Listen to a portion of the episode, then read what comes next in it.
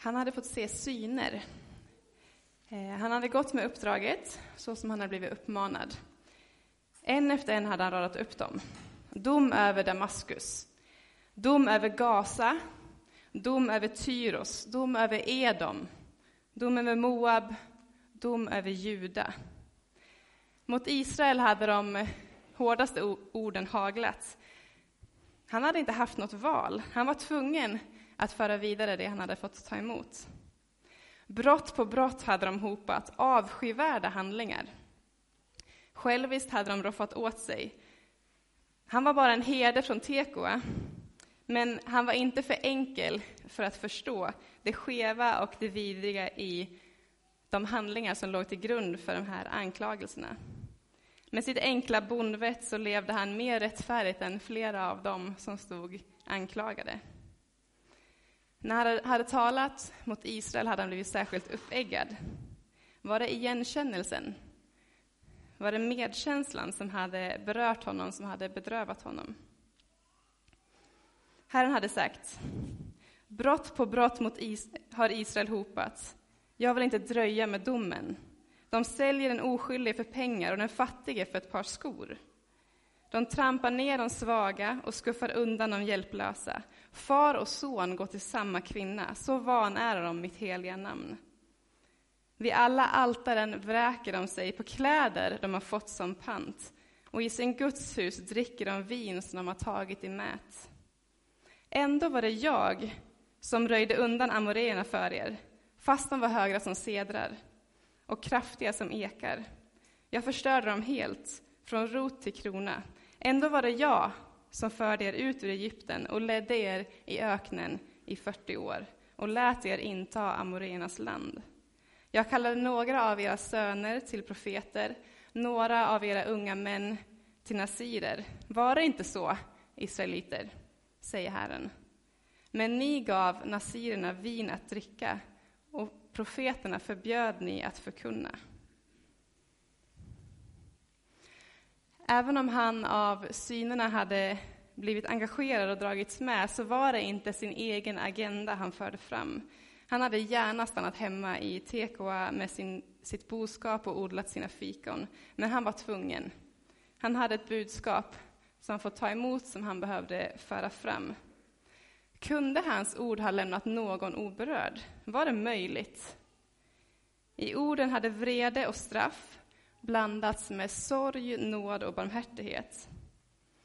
Och när han hade talat Herrens ord så kunde han riktigt känna vreden, men också sorgen, nöden och barmhärtigheten pulsera inombords. Kom till Herren så får ni leva, annars ska han härja Josefs land som en eld.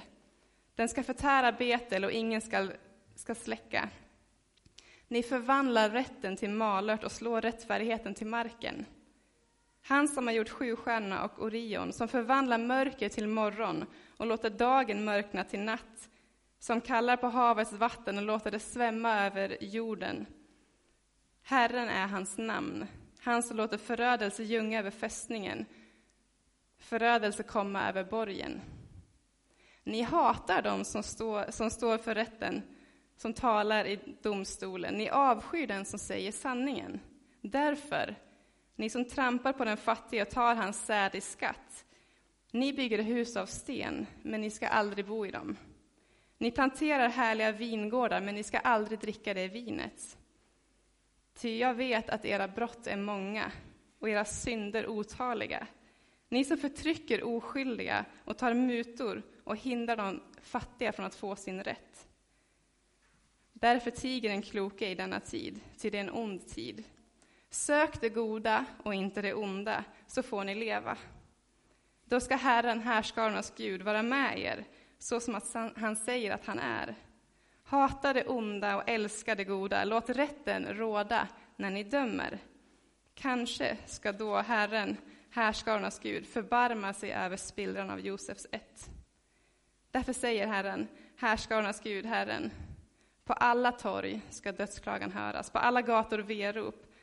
Bönderna kallas i sorgehögtid, till dödsklagan, de, eh, de som kan sjunga sorgesång. I alla vingårdar ska dödsklagan höras när jag går fram bland er, säger Herren.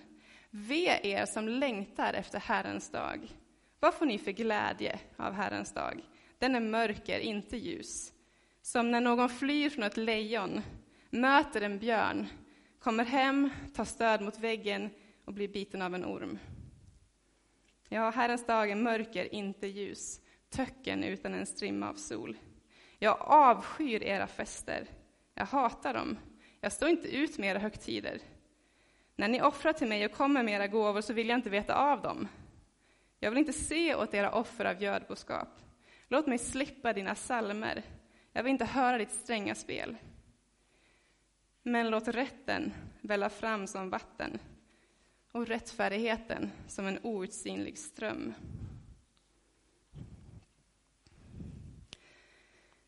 Han hade gett allt och inte hållit någonting tillbaka. En iver för Herren brann inom honom, men nu fick han höra det här. Att han skulle vara en av dem. Att han anklagades för att han förde fram ett budskap för sin egen vinnings skull. Amos uppviglar folket mot dig, riket tål inte hans profeterande, hade Amasja sagt till kungen. Till Amos själv hade Amasja sagt, gå din väg, siare, försvinn till Juda, där kan du tjäna ditt bröd med att vara profet. Amos hade försvarat sig och sagt, jag är inte profet, jag hör inte till det skrået, jag håller boskap och jag odlar fikon. Men Herren tog mig från min jord och sa till mig, träd fram som profet inför mitt folk Israel. Amos var tvungen. Nu var han trött. Han var trött, upprepad och vred. Han hade gett allt, men för vad då? Kunde de inte höra någonting av Herrens röst genom de orden som han sa? Var de för förstockade för att se sin egen missgärning och vända om medan det ännu fanns barmhärtighet? Men Amos var inte färdig ännu, han fick inte vila än. Han hade fått framföra budskap om dom över folk och nationer, men nu skulle han rikta sig mot individer som handlade orättfärdigt mot de fattiga. Hör detta, ni som trampar på de fattiga och utrotar de svaga i landet. Ni säger, när är nymånadsfesten över så vi kan sälja säd? När är sabbaten över så vi kan öppna kornboden? Då ska vi minska måtten och lägga på priserna och fuska med vågen, köpa de fattiga för pengar och de nödställda för ett par skor och sälja spillet som säd. Jag vänder era fester i sorg och alla era sånger i klagan. Jag klär alla höfter i säckväv och låter alla gå med rakat huvud. Jag sänder sorg som efter den enda sonen och låter slutet bli en bitter dag.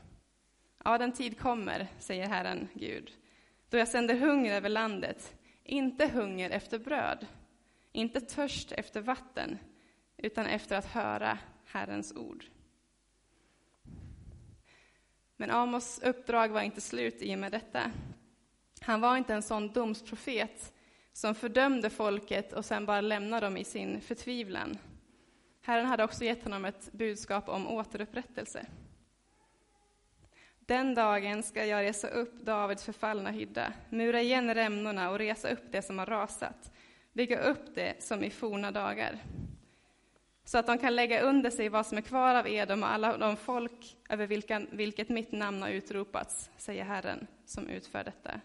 Ja, den tid kommer, säger Herren, då plöjaren följer tätt efter den som skördar, vintramparen tätt efter den som sår, då bergen dryper av druvsaft och alla höjder flödar över. Då ska jag vända ödet för mitt folk Israel. De ska bygga upp förstörda städer och bo i dem, plantera vingårdar och själv dricka vinet, anlägga trädgårdar och äta deras frukt. Jag ska plantera dem i deras egen mark, och de ska aldrig mer ryckas upp ur den mark som jag har gett dem, säger Herren, din Gud. Det här var en del av berättelsen om Amos, den ofrivillige profeten som levde i Israel under en tid som levde då Israel hade en ekonomi som blomstrade. De hade kuvat sina omgivande fiender och det var fred mellan Israels stammar som nu var uppdelade i två riken, Juda och Israel. Handeln blomstrade, byteshandeln, men också slavhandeln och ockerhandeln. De som köpte upp maten på landet kunde köpa för ett lågt pris, ta med sig det in i städerna och sälja till ett dyrt pris och så tjäna väldigt mycket pengar. Den ökade välfärden och urbaniseringen ledde till att klyftor mellan folket växte. En lat överklass med en mer och mer förfallen livsstil växte fram. Den juridiska korruptionen var ett faktum och rättsskipandet bland civilbefolkningen hade helt havererat. Religionen praktiserades entusiastiskt, men troheten mot förbundet var en bluff. Israel karaktäriserades under Amos tid av ett religiöst hyckleri. Folket tillbad i renlärig ortodox stil, men de var olydiga i socialt och personligt beteende. Dagens text fångar kärnan i Amos budskap. Jag avskyr era fester, jag hatar dem, jag står inte ut med era högtider. När ni offrar till mig och kommer med era gåvor så vill jag inte veta av dem. Jag vill inte se åt era offer av gödboskap. Låt mig slippa dina salmer, jag vill inte höra ditt stränga spel. Men låt rätten välla fram som vatten och rättfärdigheten som en outsinlig ström. Varför var Gud så vred? Varför så hårda ord? Gud hade ju själv gett israeliterna föreskrifter om hur de skulle fira gudstjänst och hur de skulle tillreda offer in i minsta detalj. Han visste exakt hur han ville ha det och han hade talat om det för israeliterna. Och han älskade när de kom inför honom med jul och pris.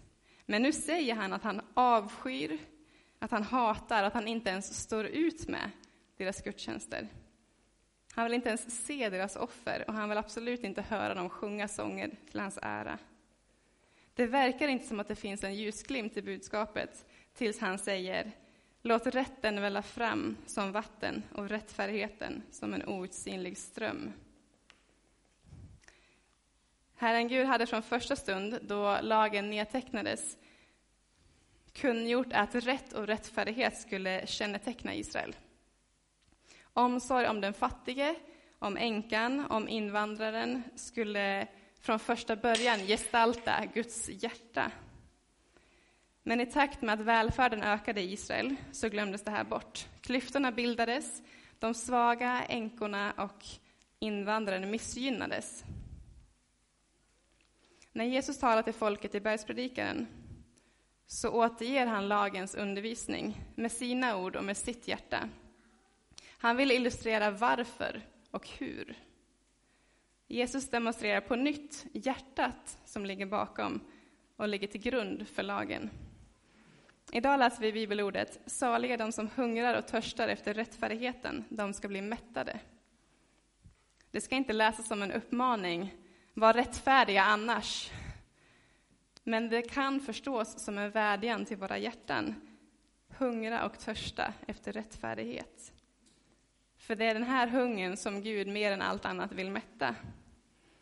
I den här hungern så avspeglas Guds hjärta. Rättfärdighet kan inte ramas in i form av lagar och ordningar. Rättfärdighet står över lagar och ordningar. Vi ser försöket och också misslyckandet i Gamla testamentet och Mose lag med att införa rättfärdigheten i lagar och regler. Paulus beskriver i sitt brev till romarna att det lagen var tänkt att göra, föra oss till rättfärdighet, lyckades den inte med. Lagen hjälpte oss inte att leva rättfärdigt, utan vi föll och vi misslyckades på grund av våra egna begär och våra egna önskningar. Så det Jesus vill i bergspredikan, det är att ge oss principer så att vi förstår vad rättfärdighet handlar om. Så att den kunskapen som på något vis sitter här gör resan ner till hjärtat.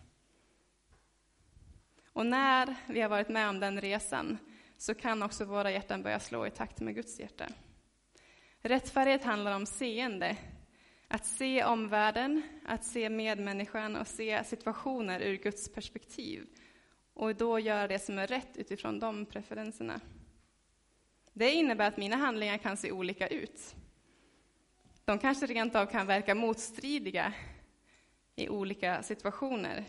Jag tror att ni också upplevt hur olika handlingar krävs i olika situationer och att man behöver se sammanhanget för att förstå varför någon gjorde på ett visst sätt. Men det som kan känneteckna rättfärdiga handlingar, även om de inte kan föras in i ett system, är just det bultande hjärtat.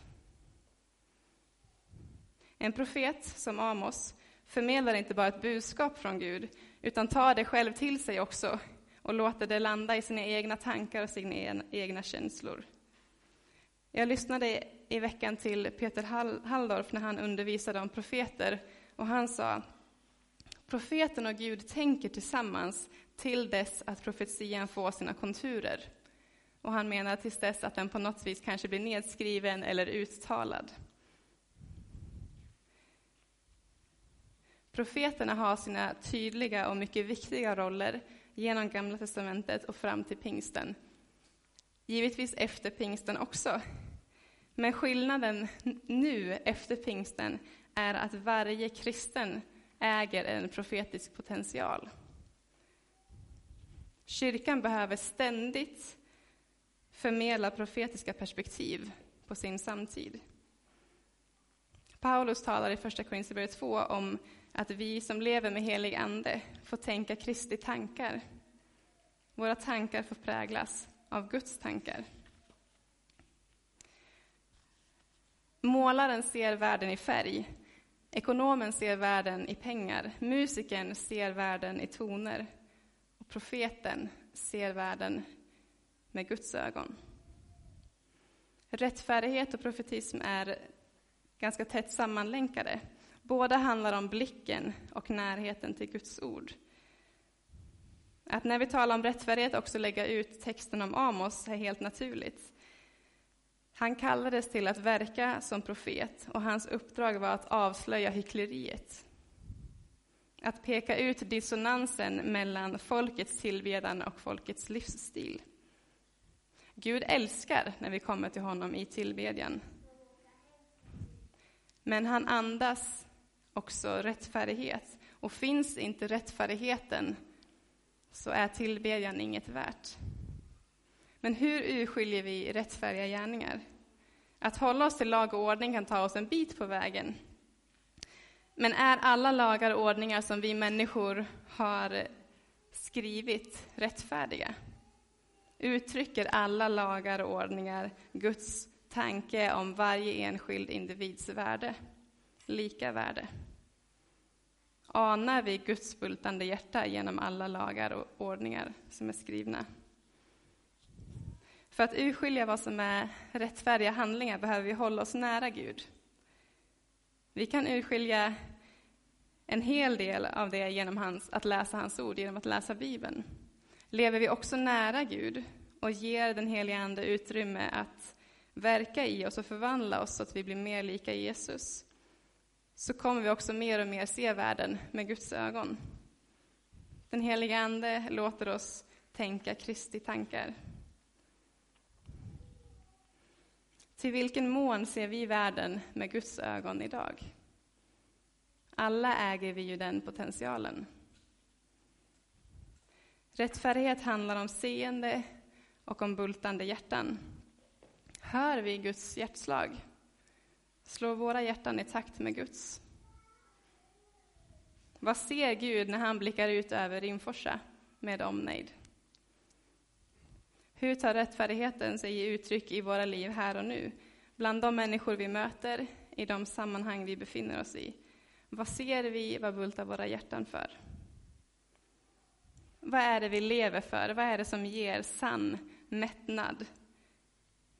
Vi är skapade av Gud, han är vårt ursprung och han är också vårt mål. Och jag tror att han vet vad som mättar oss. Så låt oss be att vi med samma iver som Amos ska avslöja orättfärdiga system och handlingar i vår samtid. Låt oss själva vända om från det som är det som, det som i våra liv är orättfärdigt, som inte avspeglar Guds hjärta. Och också verka för att nya rättfärdiga system och rättfärdiga handlingar får ta plats i vår samtid. Saliga de som hungrar och törstar efter rättfärdighet, de ska bli mättade. Vi ber tillsammans. Mm. Herre Gud, hjälp oss att, hjälp oss att höra dina ord. Hjälp oss att eh, omvända oss från det som finns i våra liv som inte klingar med en klar ton. Herre, låt vår blick få präglas av din. Låt oss se det du ser. Låt våra hjärtan få bulta i takt med ditt hjärta. Låt oss få känna det som du känner. Tack för att din nåd och din barmhärtighet alltid räcker. Och låt det få förvandla våra liv. Heligande, vi ber dig, kom.